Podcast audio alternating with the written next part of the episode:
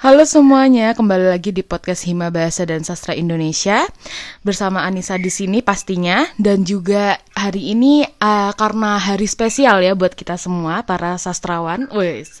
Um, aku mau ngucapin selamat Hari Puisi Nasional dan sekarang aku lagi ditemenin nih sama Alina.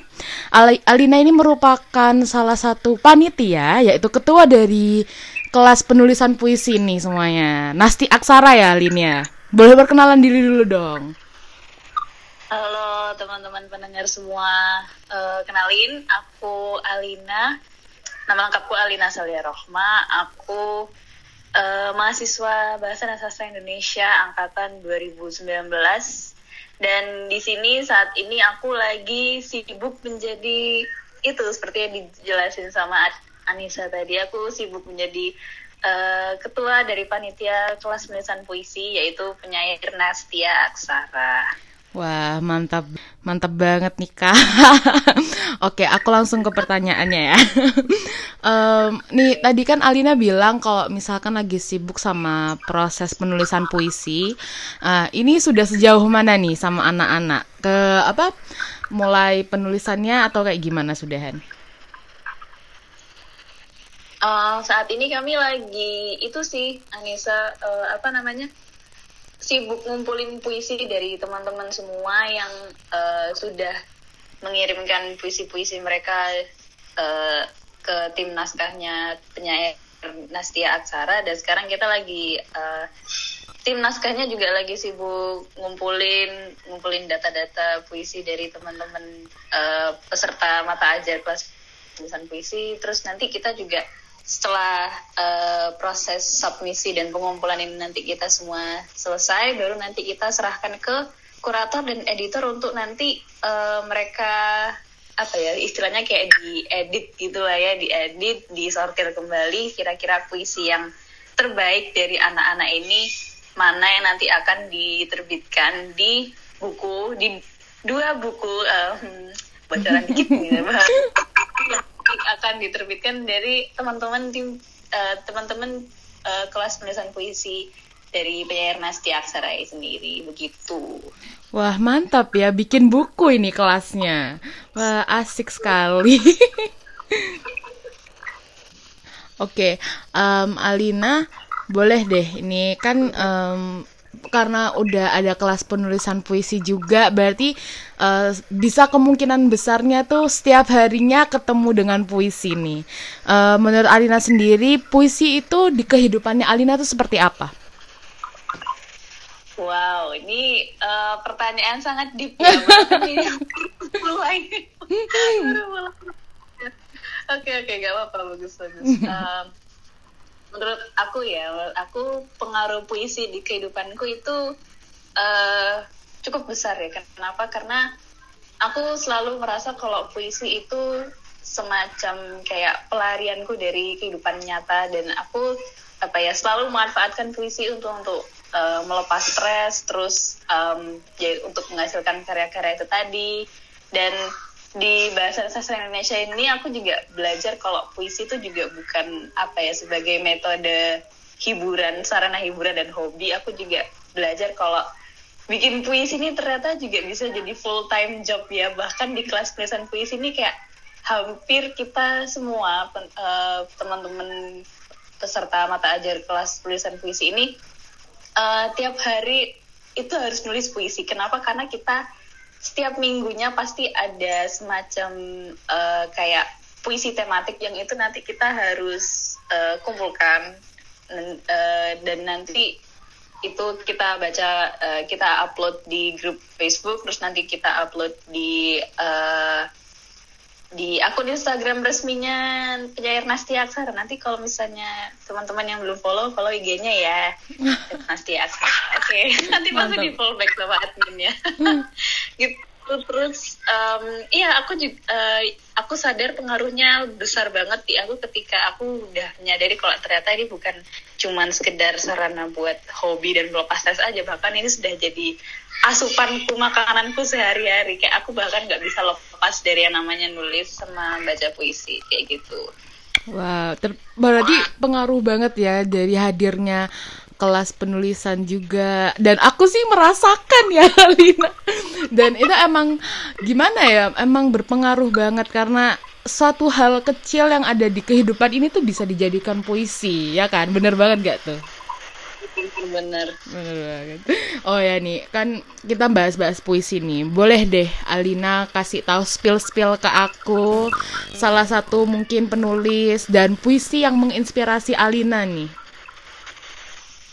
Hmm, kalau dibilang penulis ya banyak sih sebenarnya kayak uh, penulis yang menginspirasi tulisan kayak aku selalu apa ya uh, belajar. Karena kita ini apa ya aku kan juga bisa dibilang belum jadi kayak penyair gitu ya. Jadi aku pasti selalu belajar dari penulis-penulis yang ternama bagaimana mereka punya teknik atau metode sendiri dalam penulisan itu. Dan aku selalu belajar bagaimana uh, cara terbaik dari masing-masing penulis itu dalam menyampaikan puisinya. Jadi kalau disuruh milih ya aduh susah deh. um, Saking banyaknya ya, Bun. Banyak banget, Bun. Um, mm Kayaknya ya kayaknya kalau aku harus milih satu nih sebenarnya rada gak ikhlas sih. Tapi kalau suruh milih satu mungkin aku bakal milih Joko Pinurbo sih. Soalnya kenapa? Uh, puisinya itu kayak apa ya puisinya tuh uh, menurut aku bahasanya tuh tak uh, mudah ditangkap gitu.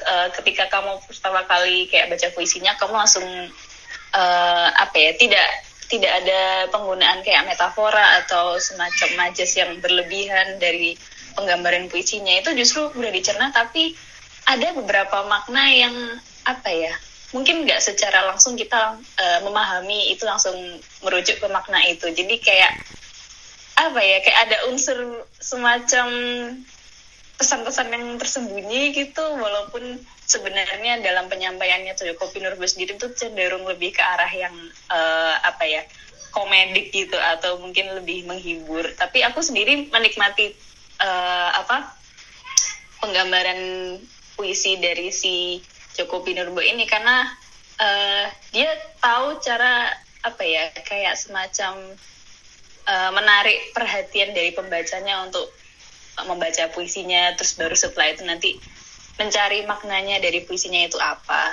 Dan kalau misalnya disuruh um, ngasih apa ya salah satu puisi dari Joko Pinurbo yang paling aku suka itu kalau nggak salah dari bukunya yang itu latihan tidur itu ada puisi judulnya itu pada suatu gitu. Hmm, mantap nih. Jadi orang-orang orang nanti pada langsung nyari, wah Joko Pinurbani seperti apa. Oke, okay, um, ngeliat-liat dari Instagram kamu, terus juga dari kamu bilang tadi apa IG Nasti Aksara, kalau misalkan sering banget ya menuliskan puisi nih. Um, kalau menurut Alina nih, boleh nih nunjukin ke kita bentuk-bentuk puisinya Alina nih yang kayak gimana? Dibacakan nih, boleh nih. Spill spill. Oke, okay, um, uh, tempat aku nulis puisi sebenarnya nggak cuma di Nastia Aksara, ada di apa si salah satu uh, mediumku juga. Tapi aku, uh, aku ada satu puisi yang apa ya menurut aku punya uh, ikatan tersendiri buat aku cuman kayaknya waktu itu uh, waktu aku lagi ngecek-ngecek mediumku kayaknya aku tuh nggak sengaja kehapus jadi ini uh, aku bacain dari apa dari draftku sendiri aja ya nggak apa-apa kan Cid? It's okay, it's okay. Yang penting okay, puisi okay. puisi kamu yang benar-benar kamu suka, kamu nikmatin banget waktu menulisnya gitu.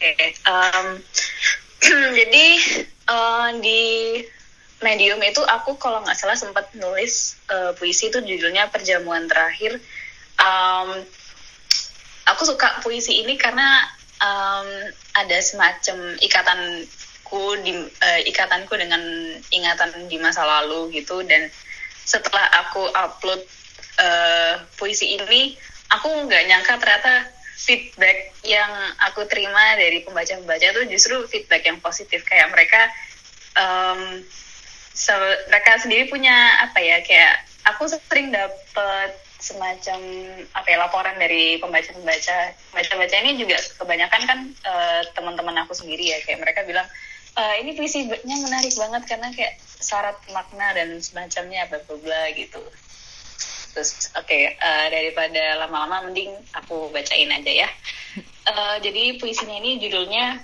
perjamuan terakhir kaki kaki beralaskan takdir bersama saling mampir. Ada yang berucap, inilah akhir, meskipun getir. Pun yang menggiring seril, selip, tampangnya mirip mak lampir, namun kasihku tiada akhir. Beruntung semuanya hadir, nyengir. Persetan dengan cibir menyibir, kami semua di sini untuk bersyair, bertakbir, meneguk senyuman yang diseduh hangat dalam cangkir, tanpa dialiri, dialiri oleh rasa khawatir. Inikah akhir dari segala akhir? Tak satu pun bernyali menyingkap tabir, lebih baik pulang membawa souvenir dari memoir yang khatam diukir. Selesai. Wow, mantep banget, keren banget Alina. Itu bagus banget. Kata-katanya, mm, mantap banget. Nah, ini nih, mungkin ya, kan kamu udah bikin kata-kata sebagus itu dan aku juga ngeliat di medium kamu tuh kata-kata yang kamu bawain tuh bagus banget. Nah, aku nih mau tanya-tanya nih Lin. M mungkin kamu bisa ngasih tips ke aku atau mungkin para pendengar nih buat penulisan kata-kata dalam puisi yang Alina cari eh, yang Alina bikin selama ini tuh dari mana sih pembelajaran mencari kata-katanya itu? Karena itu yang paling susah kan ibarat di puisi gitu. Oke, okay, um, jujur aku selama ini juga uh, mengalami kesulitannya di apa di masalah itu sendiri nyari kata-kata yang pas untuk nyampein isi dari pikiran sama perasaanku yang sekiranya cocok dengan tema puisi yang bakal aku bawain gitu kan um, aku sebenarnya juga apa ya mencari banyak alternatif. Kalau semisal aku baca buku itu kurang aku biasanya uh, kayak apa ya stop dulu stop dulu nulis. Terus mungkin ya melakukan aktivitasku seperti biasa. Terus mungkin dari situ aku bakal perlahan-lahan kayak semacam apa ya dapat dapat istilahnya kayak inspirasi gitu. Uh, perlahan-lahan dapat inspirasi mulai mungkin dari kata dari kata tadi. Misalnya dari kata uh, senyuman. Terus aku aku lagi minum nih. Terus aku nggak tahu kenapa aku uh, mikirnya kayak oh kayaknya bagus deh kalau dibikin kayak meneguk senyuman gitu. Meneguk senyuman yang sederhana dalam cangkir gitu kan. Terus um, tapi mungkin itu uh, baru satu cara ya. Jadi setelah itu aku langsung buru-buru nulis di notes supaya aku nggak lupa. Karena kan biasanya kalau apa ya ingatan tuh kayak cuman apa ya cuman lewat doang gitu loh. Kadang-kadang kadang eh, kadang-kadang lewat tapi kadang-kadang stay. Tapi keseringannya cuman lewat doang. Terus daripada hilang gitu kan aku tulis aja di notes biar uh, semisal aku mau nulis aku sudah ada catatan oh aku tadi mau nulis ini gitu. Terus uh, mungkin aku juga bisa bisa aja nonton nonton film. Aku uh, aku agak spill dikit ya. Aku sebenarnya kebanyakan puisi-puisi yang aku tulis itu awalnya juga dari film atau enggak gitu dari uh, pengalamanku, pengalaman hidupku selama ini itu kayak gimana. Uh, iya, jadi menurutku salah satu tips yang cukup efektif adalah jangan maksa nulis dulu. Kalau misalnya kamu apa ya sudah benar-benar berhenti nih mikirnya udah uh, stop di situ mending menjauh dulu. Tapi misalnya kalau sudah perlahan-lahan dapat inspirasi itu langsung uh, buru-buru catat di notes. Nggak uh, kalau aku sendiri nggak nggak perlu pakai notes yang mahal ya. Pokoknya cukup untuk menyimpan apa ya ingatan-ingatan dari beberapa kata atau kalimat yang kamu barusan dapat biar nggak lupa. Gitu. Wow. Jadi, itu benar-benar apa ya efisien banget lah ibaratnya buat orang-orang yang mau belajar menulis. Karena kadang itu ide tuh datangnya tuh nggak menentu gitu loh. Bisa waktu kita lagi mandi bisa waktu kita lagi makan. Kayak tadi Alina minum aja tuh bisa dapat idenya. Jadi kayak bener-bener semua semua orang tuh harus ibaratnya ya kalau misalkan untuk mau dapat inspirasi itu menulis itu benar-benar satu kunci ya Lin ya ibaratnya bener banget. Nah ini nih mungkin ini yang buat terakhir sekalian penutup nih Lin. Sorry banget ya. Oke. Terakhir nih uh, mungkin Alina punya beberapa kata-kata buat penyemangat nih buat anak-anak yang lagi menulis sekarang. Mungkin dari buat an anak Nasti Aksara mungkin buat buat anak-anak maba yang baru-baru dengar gitu. Apa tuh kata-kata Um, saranku ya jangan berhenti nulis sih. Um, maksudnya berhenti nulis itu bukannya terus kamu di saat udah uh, ide kamu sudah berhenti tapi kamu tetap nulis enggak. Uh, maksudnya adalah uh, tetap lanjutin aja uh, passionmu itu tadi menulis. Tapi kalau misalnya kamu sudah berhenti mandek cekrek kayak kepikiran apa apa itu boleh istirahat. Uh, apa ya? Dalam setiap proses apa pun termasuk dalam tulisan puisi itu kita dibolehkan istirahat.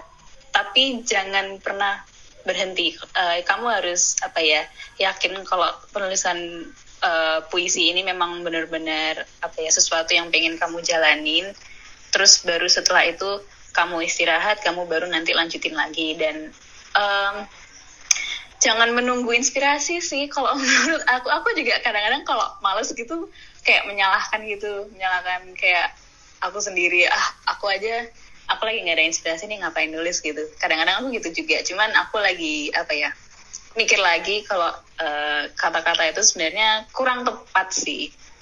Mungkin yang di yang harus lebih tepat adalah kita harus nyari inspirasi gitu kan. Kita harus mencari sumber biar kita itu uh, puisinya nggak berkembang di situ-situ aja. Karena uh, saya aku pernah lihat kalau nggak salah itu dari apa videonya kayak semacam seminarnya dengan Joko Pinurbo itu Jok Jokpin sendiri tuh bilang kalau misalnya kamu nggak memperkaya diri dengan bacaan atau inspirasi-inspirasi yang ada di sekitarmu itu nanti ngaruh ke penulisan puisimu. Jadi puisimu tuh bakal muter-muter di situ aja. Baik dari segi bahasa terus uh, pemilihan diksi sama uh, apa uh, dari isi maknanya juga itu bakal ngaruh banget. Dan apa ya kamu nggak akan berkembang gitu loh kalau misalnya kamu uh, berhenti dalam waktu yang lama tapi nggak coba nyicil-nyicil nulis dikit-dikit juga. Kayak kayak gitu sih Cip. Oke, berarti ibaratnya kalau nggak kalau apa ya ibaratnya kalau misalkan menunggu kalau nggak datang datang kita kejar gitu ya Lin ya. Itu bagus banget Berarti emang uh, makasih ya Lin ya udah nyempetin waktunya bener-bener sangat menginspirasi buat podcast podcast hari ini yang bertemakan Hari Puisi Nasional ya kan. Oke, makasih ya Lin udah nyempetin waktunya. Undang ya. Makasih teman-teman pendengar. Oke. Jangan lupa kirim podcastnya rasa Sasindo yang lain ya. Nanti Mantap. ketemu Cibi terus kalian. Oh ya, jangan lupa ngefollow IG-nya Nasti Aksara. Nanti kalian bisa dapat inspirasi untuk menulis puisi selanjutnya. Oke. Sekian untuk podcast hari ini. Jangan lupa untuk ngefollow podcast Rerasa dan juga ngefollow Nasti Aksara dan jangan lupa mendengarkan podcast lainnya. Terima kasih.